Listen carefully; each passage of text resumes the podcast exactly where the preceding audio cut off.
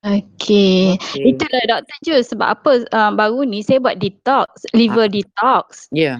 Kan selepas tu uh, dalam dua hari selepas tu saya pula pergi minum uh, apple cider vine- uh, vinegar. Mm-mm. Jadi itulah saya rasa sakit balik perut saya. Ma- macam Ah, ah. pening-pening gitu kan. Ah, ah. Mungkin you tak sesuai apple cider tu. Apple cider Hmm. ni sesuai kalau perut you dah baik.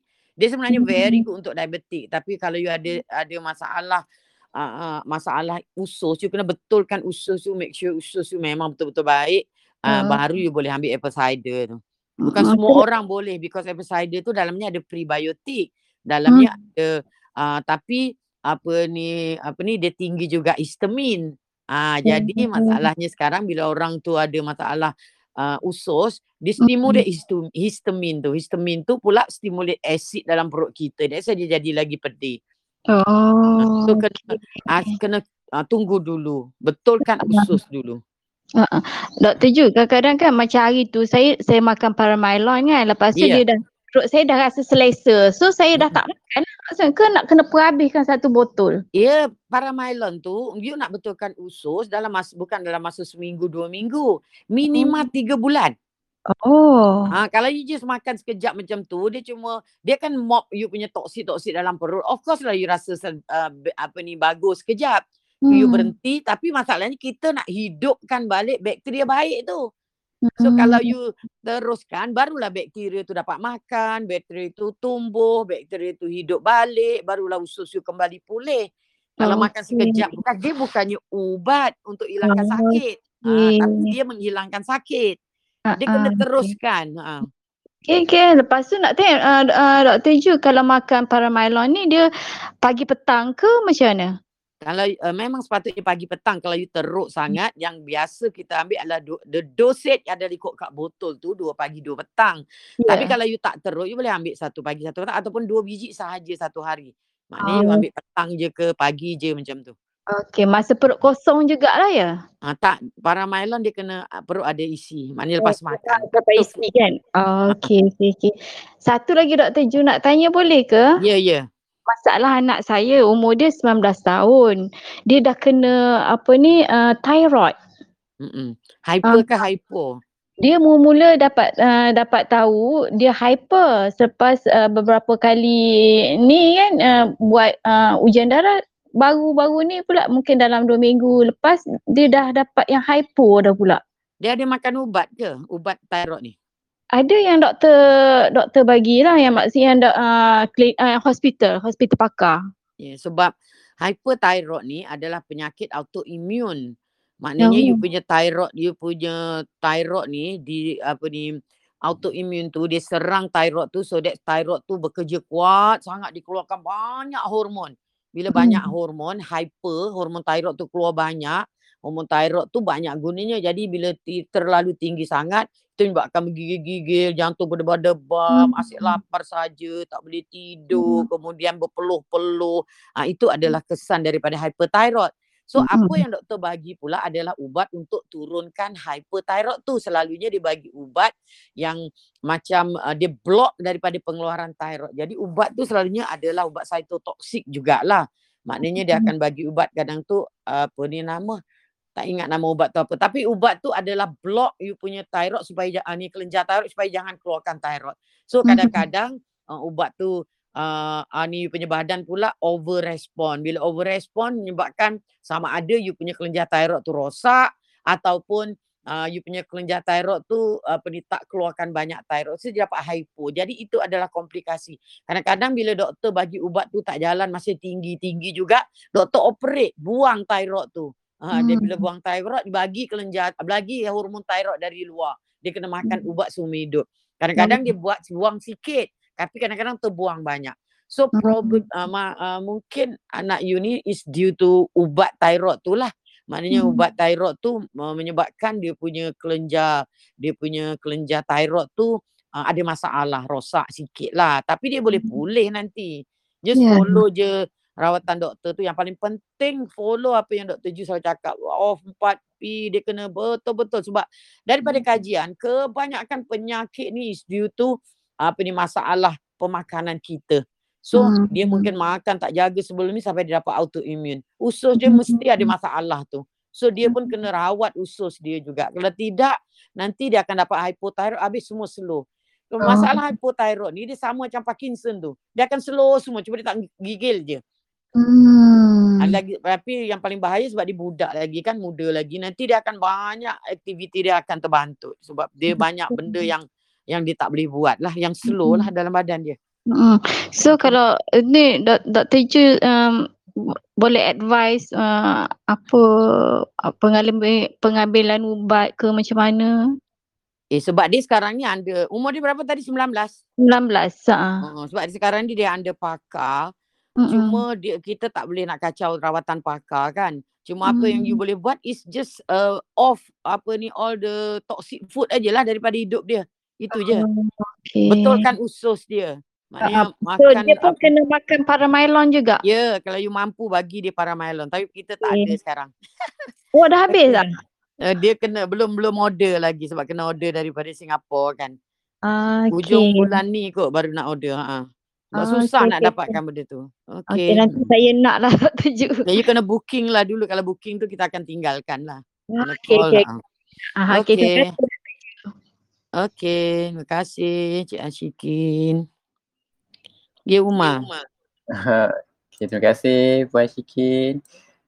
Okey. Uh, saya nampak Dr. Shakira kat sini. Selamat pagi Dr. Kira. Dia kira tengah ada passion ke? tak tak jawab.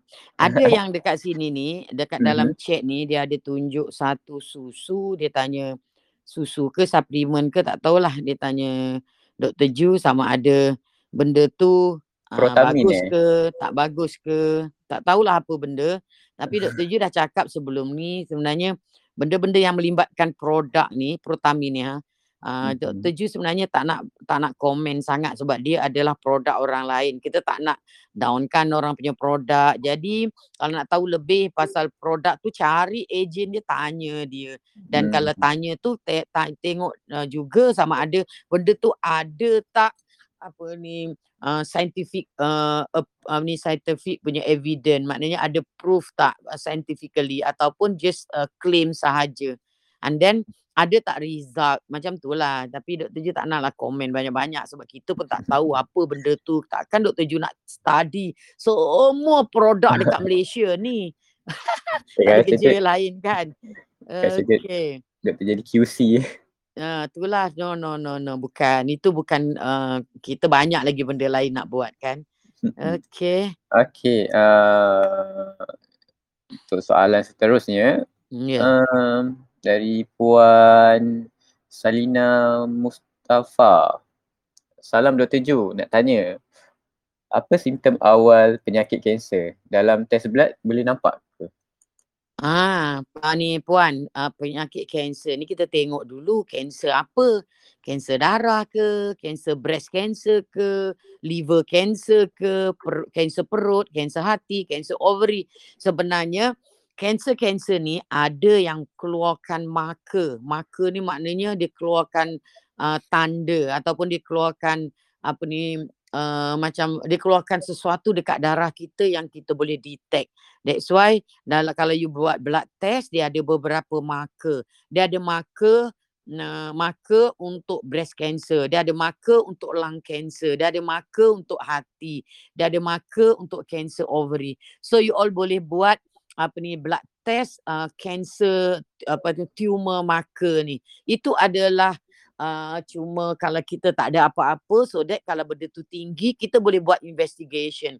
Tapi sebenarnya kalau kita nak tanya tak ada lah sebenarnya. Yang kalau kat luar-luar tu mesti ada benjol ada apa. Ha, itu baru itu adalah uh, tanda yang kemungkinan ia cancer. Kalau breast cancer tu that's why breast cancer selalunya kita suruh buat breast apa ni examination sendiri. Ha, tengok YouTube macam mana buat breast examination sendiri ataupun jumpa doktor check enam bulan sekali ada tumbuhan ke tidak. Kadang-kadang kita tak pernah pun rasa dekat breast tu ada apa semua. Tapi yang eloknya hari-hari rasa dekat breast tu ada apa benda. Kalau kita tahu normal tu macam mana. Tiba-tiba satu hari kita terasa ada benda yang abnormal.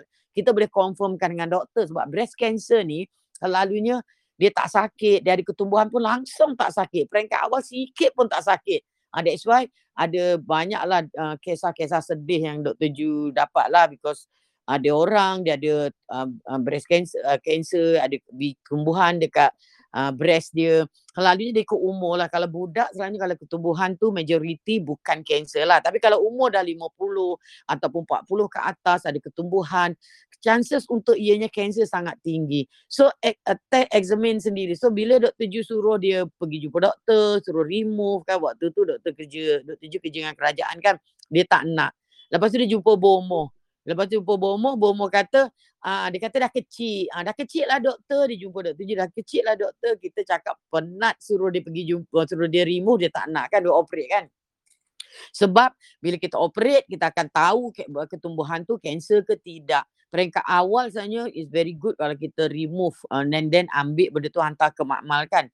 Lepas tu yang makcik ni lah ceritanya dia tak nak buat kan. Lepas tu kata ah, doktor uh, bomoh dah kecut kan doktor dah kecut dia kata. Lepas tu uh, Uh, lepas tu dia tak berani nak jumpa Dr. Ju. Sebenarnya breast cancer, uh, can, uh, ketumbuhan tu makin besar, makin besar. Lepas tu dia jumpa Dr. Jalil waktu tu. Lepas tu waktu tu dah dah burst dah. Dah, dah pecah dah benda tu. Sebab dia segan malu dengan Dr. Ju, dia pergi jumpa Dr. Jalil.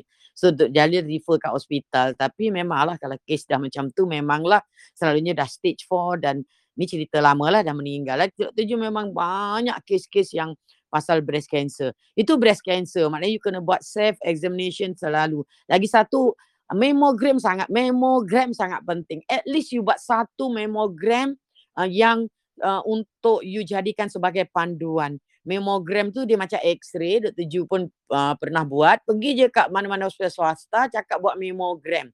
Sebab mammogram tu kita kena ada yang normal. So bila kita ada yang normal, tiba-tiba kita nampak ada biji kecil ke atau ada biji ke tak, ada biji ke tak.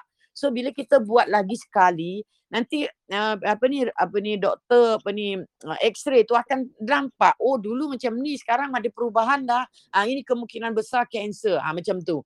Jadi mammogram tu everybody at least kena buat sekali sebagai guideline. So kalau you tak ada yang normal, macam mana kita nak tahu x-ray you tu tak normal? Okey, itu itu pasal breast cancer lah. Kalau untuk cervix pula, ini wanita lah. Ha, kalau cervix tu, that's why kita dinasihatkan buat pap smear. Pap smear tu bukan benda apa pun, calit bawah tu, hantar makmal, tengok ada sel cancer ke tidak. Sebab uh, selalunya, kalau kita dah ada simptom, maknanya dah lambat. Dah lambat. Selalunya uh, benda yang baru bermula tu, kita boleh detect early, CA cancer cervix ni adalah by pap smear. So buat je pap smear setahun sekali ke at least kita boleh detect awal.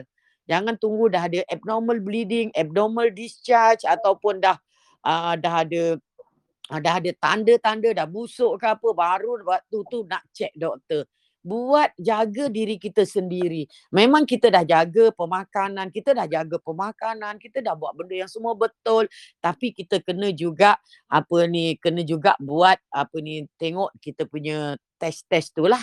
Contohnya pap smear, breast examination, mammogram dan juga blood test untuk uh, detect semua tumor marker. So tumor marker dia Dr. Ju dah cakap dia ada untuk paru-paru, dia ada untuk ovary, dia ada untuk breast, dia ada untuk hati. Kalau lelaki dia ada untuk prostat, kelenjar prostat.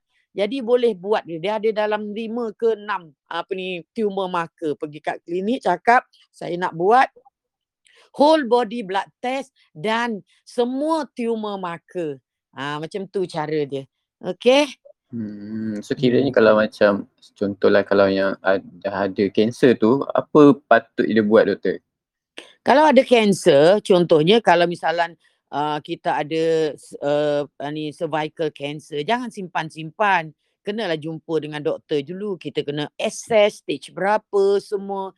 Kalau kita ada ketumbuhan dekat payudara yang elok je kan kanser tu yang pertama potong kedua racun ketiga uh, ketiga adalah bakar. Maknanya pertama berat uh, uh, ni kita uh, ni uh, bedah, kedua mm-hmm. adalah kemo, ketiga adalah radioterapi.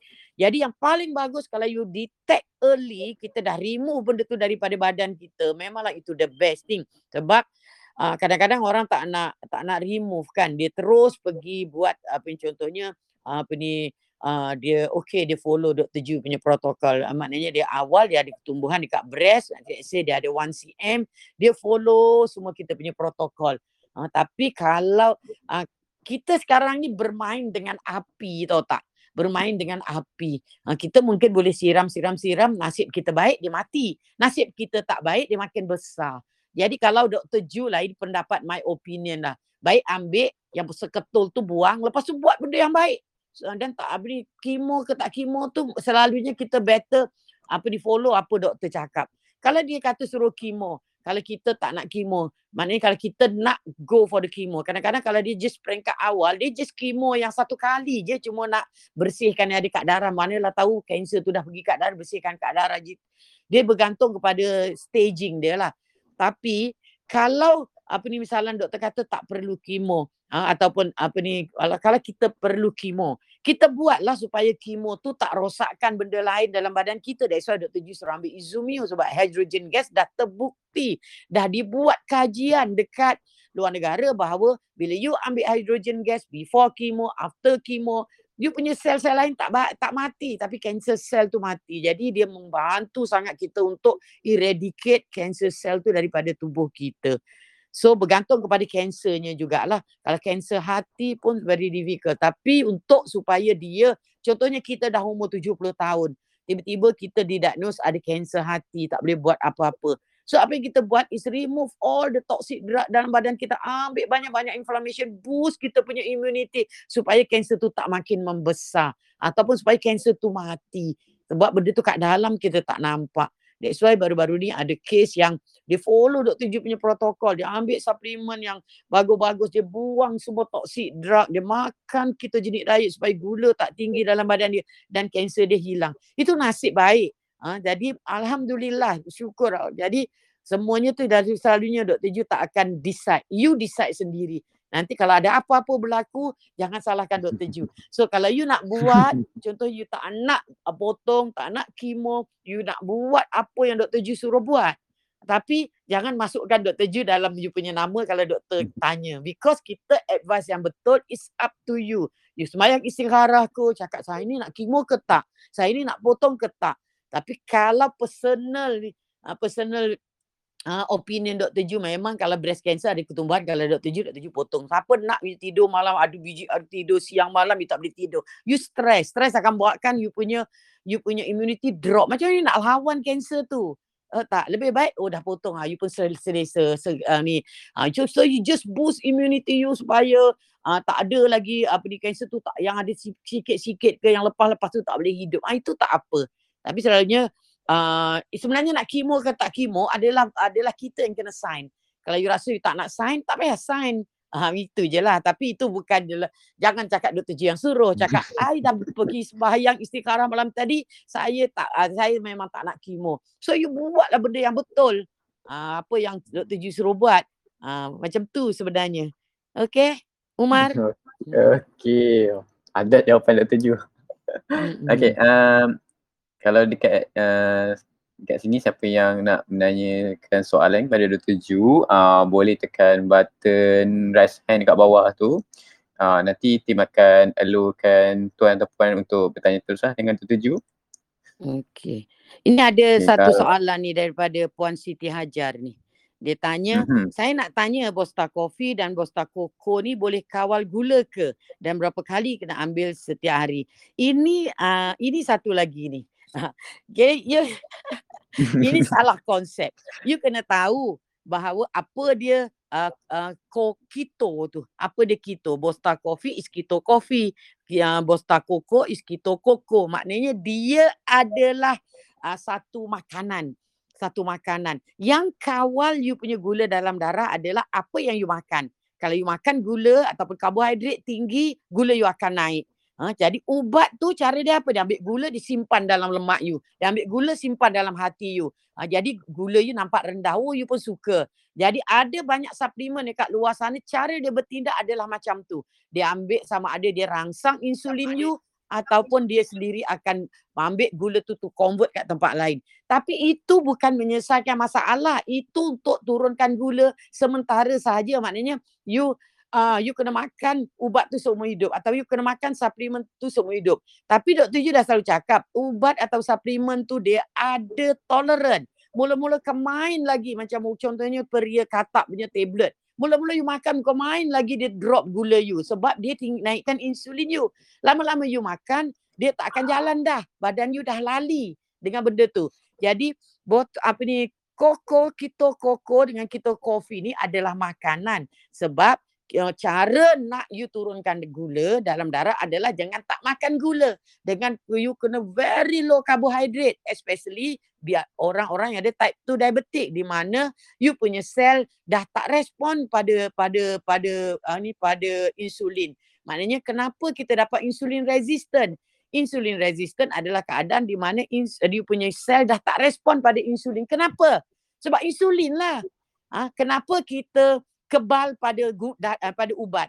Contohnya uh, you merokok. Uh, bila you merokok, mula-mula sebatang jalan, lama tak jalan dah. Sekotak pun tak jalan. Apa yang menyebabkan you resistant pada rokok tu? Sebab rokok tu lah. Sebab rokok tu sebab you ambil banyak rokok, lama-lama badan you dah kebal pada rokok. Kalau you apa ni masih apa ni bercinta kat orang tu hari-hari apa ni nak nak telefon orang tu bila dah kahwin tak nak pun Ha, mula-mula wah kemain lagi dah ada bini satu, bini dua, bini tiga, bini empat. Lama-lama dah tak heran dah pun dengan empat-empat. Mula nak bukan main lagi sama juga keadaannya. Bila uh, you apa ni ambil suplemen-suplemen tu dia turunkan gula tu sementara sahaja dan you kena makan for life dan lepas tu dia tak akan jalan. Bosta Coco Coffee, Bosta uh, ni Coco apa ni keto, apa ni Bosta Coffee, Bosta Coco ni adalah makanan ganti uh, kepada bila you tak makan gula, nanti you lapar. Uh, bila you tak makan nasi, you lapar. Jadi Bosta ni, Coco ni dengan kopi keto ni adalah satu minuman yang bila you makan, fat tinggi dalam badan dia cuma fat yang tak rangsang insulin, cuma lemak yang tak rangsang insulin. Jadi dia boleh baiki you punya insulin resistant. Jadi bila you tak makan gula, insulin tak naik. Bila insulin tak naik, maknanya insulin tak banyak dalam badan you, insulin drop, you tak akan dapat insulin resistant. Sebab yang menyebabkan insulin resistant adalah insulin tu sendiri. You asyik rangsang, ngajak insulin keluar, keluar, keluar, keluar. Lama-lama dapatlah kita insulin resistant. So nak baiki you kena dropkan insulin, rendahkan insulin, rendahkan insulin. That's why you kena buat ketogenic diet.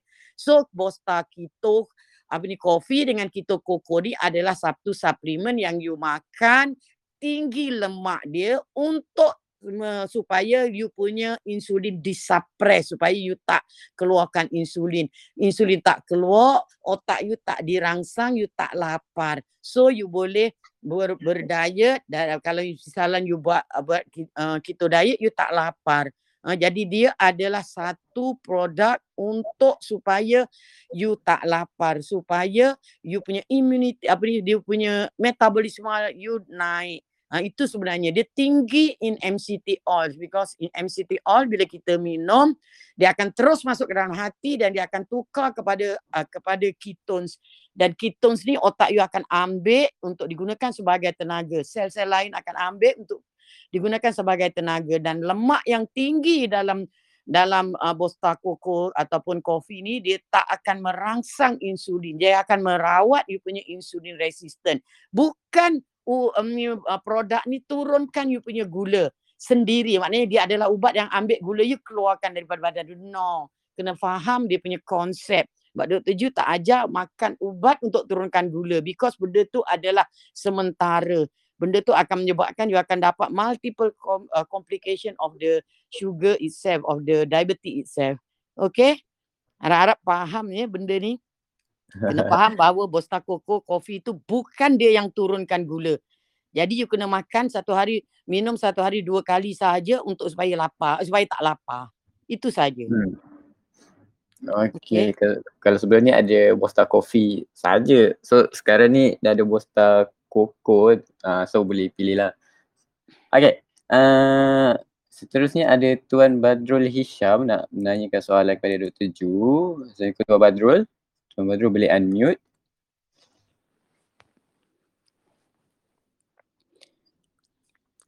Ya. Yeah. Boleh tekan button dekat tengah tu untuk unmute. Okay. Dekat tengah tu ada button warna biru. Uh, tekan je uh, ni button tu. Mungkin uh, tengah tak ada soalan lagi. Okay, saya Puan Siti Hajar nak tanya tu dah unmute dah tu. Ah, okay, dah mute. Ah, okay. Hello. Tak, tak, silap, silap. Oh. oh okay, tak apa. Silap tekan ke? Okay, tu silap tekan. Okay, uh, Puan Siti Hajar nak tanyakan soalan. Mungkin ada soalan lain kot nak tanya Dr. Ju. Assalamualaikum Dr. Ju. Ya, yeah, Waalaikumsalam. Saya yang Siti Hajar tadi yang Dr. Ju explain about uh, coffee and Bosta Coco. Ya, yeah, ya. Yeah. Uh, terima kasih banyak-banyak for explanation.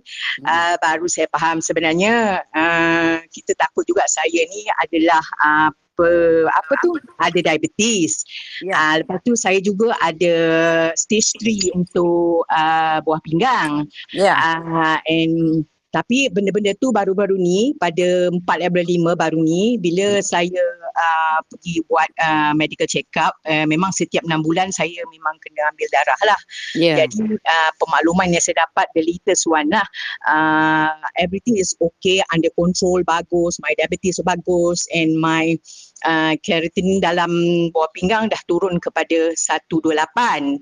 Uh, oh, bagus. Itu dah stage uh, berapa tu? EGFR berapa? Uh, three uh, dia kata ya masalahnya kita kalau pergi hospital doktor-doktor ni bukan bukan nak salahkan doktor maaf doktor. Uh, uh, uh. kita dia kita ni dia tak explain saya. Bila kita tanya dia akan cerita yang lain. Dia kata saya nak tahu jugalah. Bila tahu saya akan cuba kontrol apa yang patut saya boleh buat kan?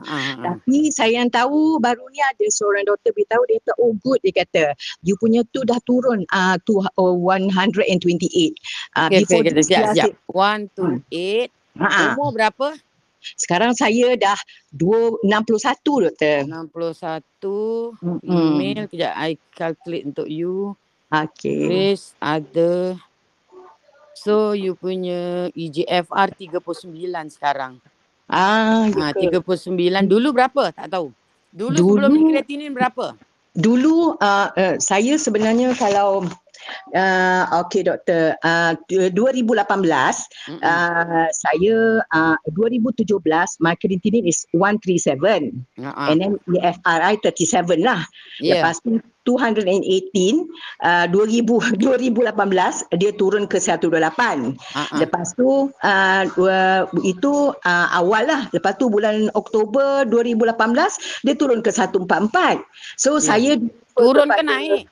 Eh naik ke batu 24. Uh-huh. Lepas tu saya di refer kepada bahagian Nipro Nipro punya unit lah di uh-huh. HUKM. Uh-huh. So uh, setiap kali saya buat 6 bulan 6 bulan tu doktor akan cakap.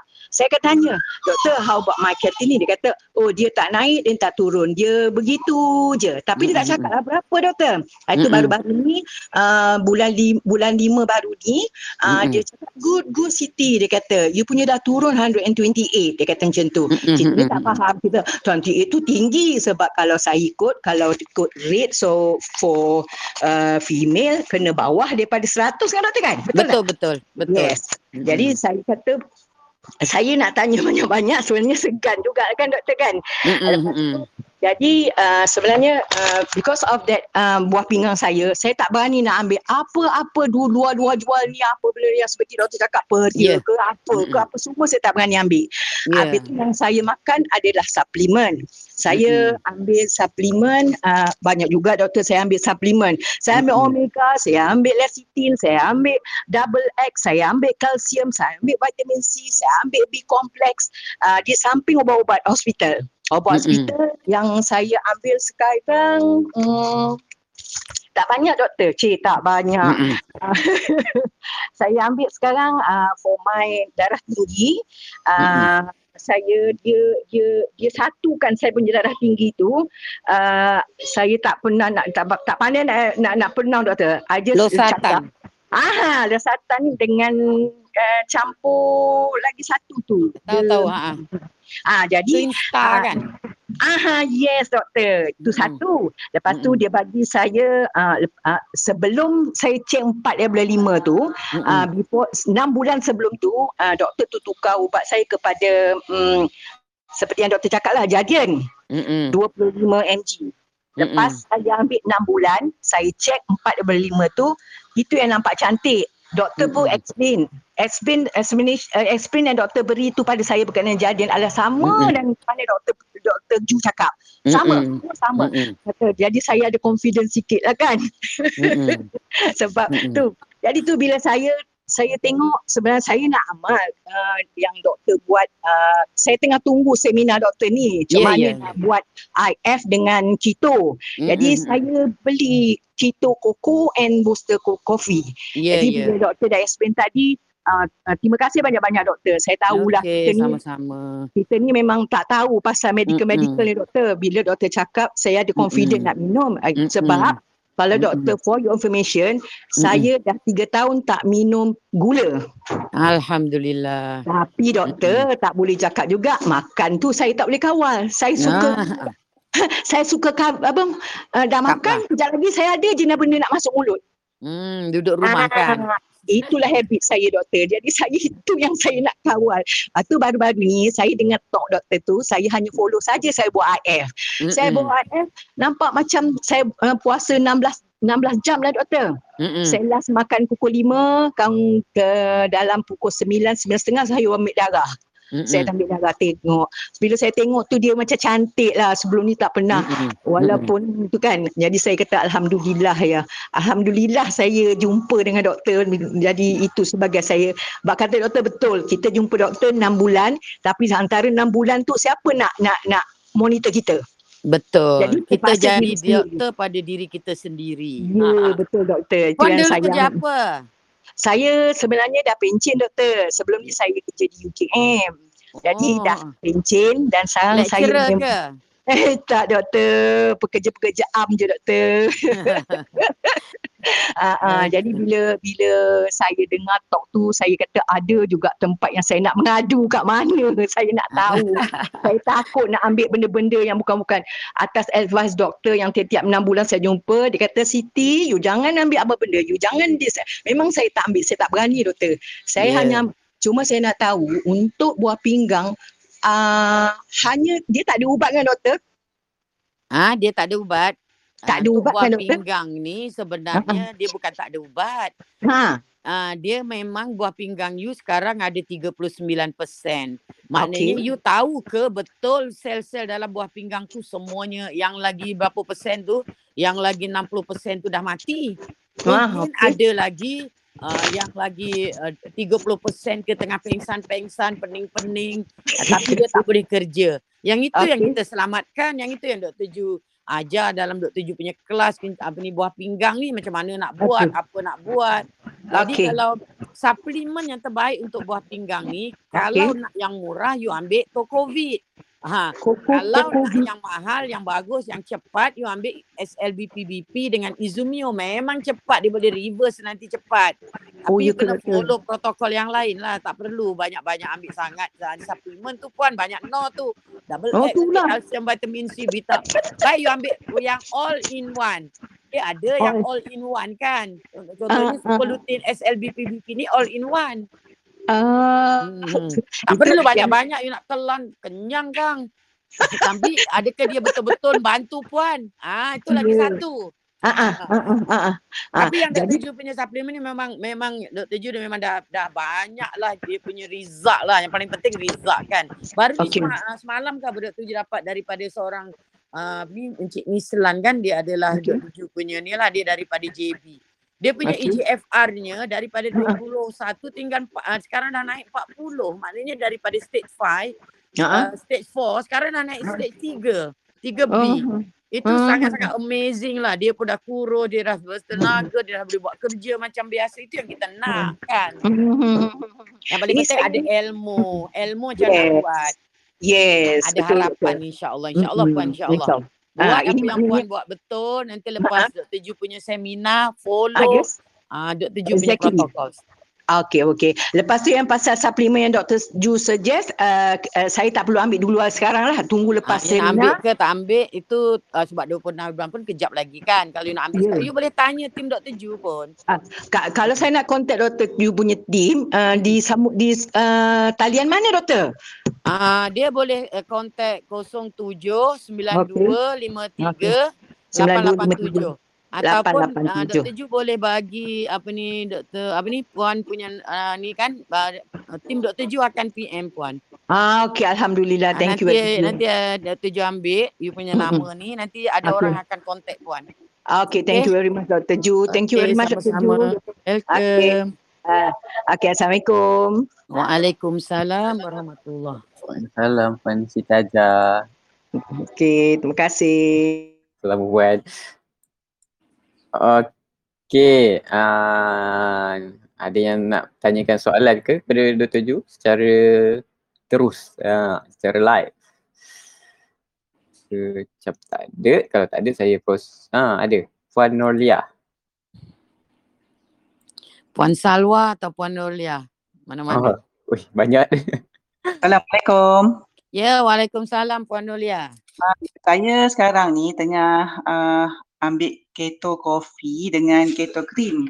Ya. Yeah. Jadi apa perbezaan antara dua tu ya? Lepas tu uh, kalau saya dah ambil tu berapa peratus dia punya lemak dia? Lepas tu uh, kalau dah kenyang kan? Lepas tu kita kena makan sayur banyak ke atau macam mana? Untuk untuk keto uh, keto untuk uh, diet keto, kita punya diet tu 75% lemak.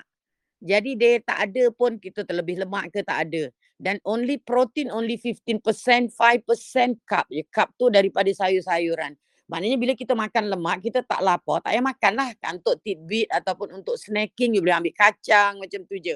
Kadang-kadang kita orang dekat sini kan ambil uh, capsicum tu, makan dengan krim, makan dengan ayam. Memang sedap lah sebenarnya. Kalau you all tahu macam mana nak buat, nak makan cara keto ni sebenarnya kalau biasa memang sedap. Dan jadikan dia sebagai kita punya budaya. So, keto koko ni, Uh, dia uh, ni uh, baru ni uh, sebelum ni kita ada jual daripada rainforest tu kan tapi dah tak ada lah sekarang dah habis lah. Kita koko ni adalah apa ni nama apa ni dalam tu preparation tu dalam tu ada koko, dalam tu ada MC, apa ni keto apa ni keto cream. Ah uh, sebenarnya keto cream tu lah. And then dalam tu juga ada pemanis, kita pakai pemanis apa ni uh, uh, ni la, la kanto ataupun lau, lau guan ho ataupun monk fruit sweetener campur dengan erythritol. Dalam tu juga ada ekstrak daripada susu untuk stabilizekan.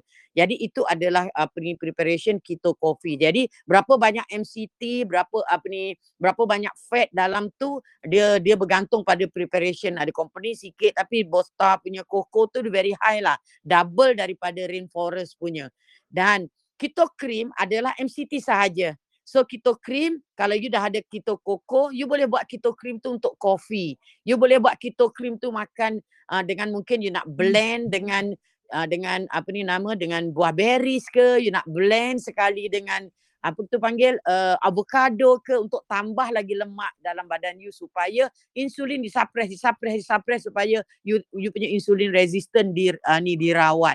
Sebab tujuan kita untuk pesakit diabetik untuk rawat insulin resistant hmm, supaya you punya sel dia boleh kenal lagi. Sekarang ni dia dah tak kenal dah. Ha, dia dah tak dia dah ignore you. So dia nak dia kenal balik kita. Dan untuk orang yang obes tujuan dia adalah untuk uh, fat digunakan sebagai tenaga. Ha, jadi bila insulin tak ada ha, jadi uh, fat akan dipecahkan dalam badan kita. So kita akan uh, ni kurus. Okey? Uh, doktor, satu lagi. Uh, hmm. Saya sekarang gunakan tepung Bali. Okey ke, doktor? Tepung Bali, you ada diabetik ke? Uh, pre-diabetik, 5.6. Uh, diabetik uh, Bali ni sebenarnya dia kabur juga. Untuk kita dia tak tak lulus. Bali ni oh. Dr. Ju selalu suruh makan untuk orang yang ada masalah apa ni kita panggil tapi dia lebih better daripada nasi lah. Ha, hmm. Jadi Bali ni sebenarnya Dr. Ju uh, uh, suruh orang yang ada masalah buah pinggang kronik amalkan because dalam body tu ada beta glucan. Beta glucan tu boleh improvekan dia punya kidney punya function. Tapi bukan banyak. Dia kena ambil sikit, tabur-tabur, dia boleh boleh ambil tepung Bali dia tu dia buat ke, boleh buat cekodok, boleh buat lemping. Tapi dia bukan keto approve. Maknanya dia juga dalam tu ada karbo. So kalau you pre-diabetic, uh, Bali bukan, maknanya kalau sekali-sekali boleh Bali tu just untuk kalau you combine dengan intermittent fasting memang boleh. Maknanya you combine dengan maknanya pukul 6 tu you boleh masuk dalam sup you, you letak bali, kemudian you minum bulletproof coffee so that you tak lapar. Maknanya dia juga karbohidrat. Okey? Okey, terima kasih doktor. Assalamualaikum. Okey, sama-sama. Okey, ada lagi satu soalan last last. Okey, okey. Uh, Puan Salwa. Hai Puan Salwa, boleh unmute?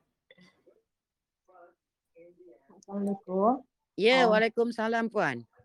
Doktor, ni saya sebenarnya lebih saya tidak ada penyakit saya lebih kepada maintenance lah jaga kesihatan saja. Jadi sekarang ni saya baru buat physical detox.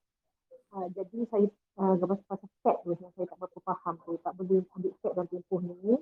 Uh, yang macam macam uh, busa kopi tu consider fat tak? Ataupun macam tahu, tempe tu macam mana? Okay, liver liver detox yang you buat ni adalah adalah yang yang dipanggil eye flush ataupun intestinal flush dengan uh, dengan gall uh, intestinal cleansing gallbladder flush. Maknanya kita nak cuci usus, kita nak cuci uh, pundi empedu, buang batu-batu dekat pundi empedu. Pundi empedu guna dia adalah untuk bekalkan hempedu pada usus bila usus menerima lemak. Jadi pundi hempedu, hempedu tu akan keluar pergi dekat usus dan dia akan pecahkan lemak. Jadi ke apa yang kita buat sekarang kita nak kosongkan pundi empedu kalau pundi empedu kita ada kotoran ada uh, sludge ataupun ada lumpur dalam tu ada batu-batu kecil-kecil dalam tu kita nak keluarkan sebanyak mana boleh maknanya kita nak kosongkan gallbladder tu untuk kosongkan gallbladder tu ataupun pudding pedu, kita nak pudding pedu kita kembang. Ha, jadi bila kita besar pudding pedu, kalau dia kontrak, dia akan sangat efektif. Zup gitu, keluar semua isi-isi dia. Jadi dalam proses uh, gallbladder flush ni, kita nak besarkan pudding pedu kita. Ha, jadi pudding pedu tu akan besar, kembang, tak kerja kalau tak ada lemak. Kalau ada lemak dia akan kecut. Ada lemak dia kecut. Dia tak boleh kembang. Jadi makanan kita untuk preparation dua hari tu tak boleh ada lemak. Jadi sebab kalau kita makan ada lemak, gallbladder kita kecut. Dah tak jadi besar, kecut. Jadi kecil. Jadi bila kita on the third day kita ambil apa ni olive oil, apa ni olive oil tu, dia kecut sikit je sebab dia tak besar. Cuba bayangkan kalau balon tu besar, dalam tu penuh angin, bila dia mengecut banyak angin keluar kan. Kalau dalam tu ada isi pun isi-isi semua keluar. Kalau belon tu kecil dia nak ngecut kan sikit je. Jadi tujuan dia makanan kita tak boleh ada lemak. Tahu tempe tak ada lemak boleh. Ha, jadi apa lagi tak ada lemak? Sayur, nasi, ha, tak ada lemak tu semua. Bali tu pun tak ada lemak. Lemak tu maknanya minyak, goreng-goreng, daging, telur, semua tu ada lemak. Ha, jadi kita kena fikir, benda ada lemak tak? Ayam ada lemak tak? Kalau you ambil ayam, kulit, memanglah ada lemak. Kalau you ambil dada, sikit je. Walaupun kat dada tu ada lemak tapi tak banyak. Okay. So kita kena feeling. Ikan tengok ada lemak tak? Kalau you masak ikan keluar minyak, ah, itu maknanya ada lemak. Ah, mungkin you rebus, minyaknya you buang, ambil dagingnya sikit je tu boleh. Tapi kat tulang-tulang memang banyak lemak, tulang-tulang ikan tu. Oh. So kalau boleh, cari benda-benda macam tahu, tempe gitu je. Dua hari je pun. Bukannya nak selamanya. Okay, sebenarnya orang rasa macam susah. No, tak boleh makan tu, tak boleh makan ni. Buah tu pun tak ada lemak. Sayur tu bening-bening je lah kan.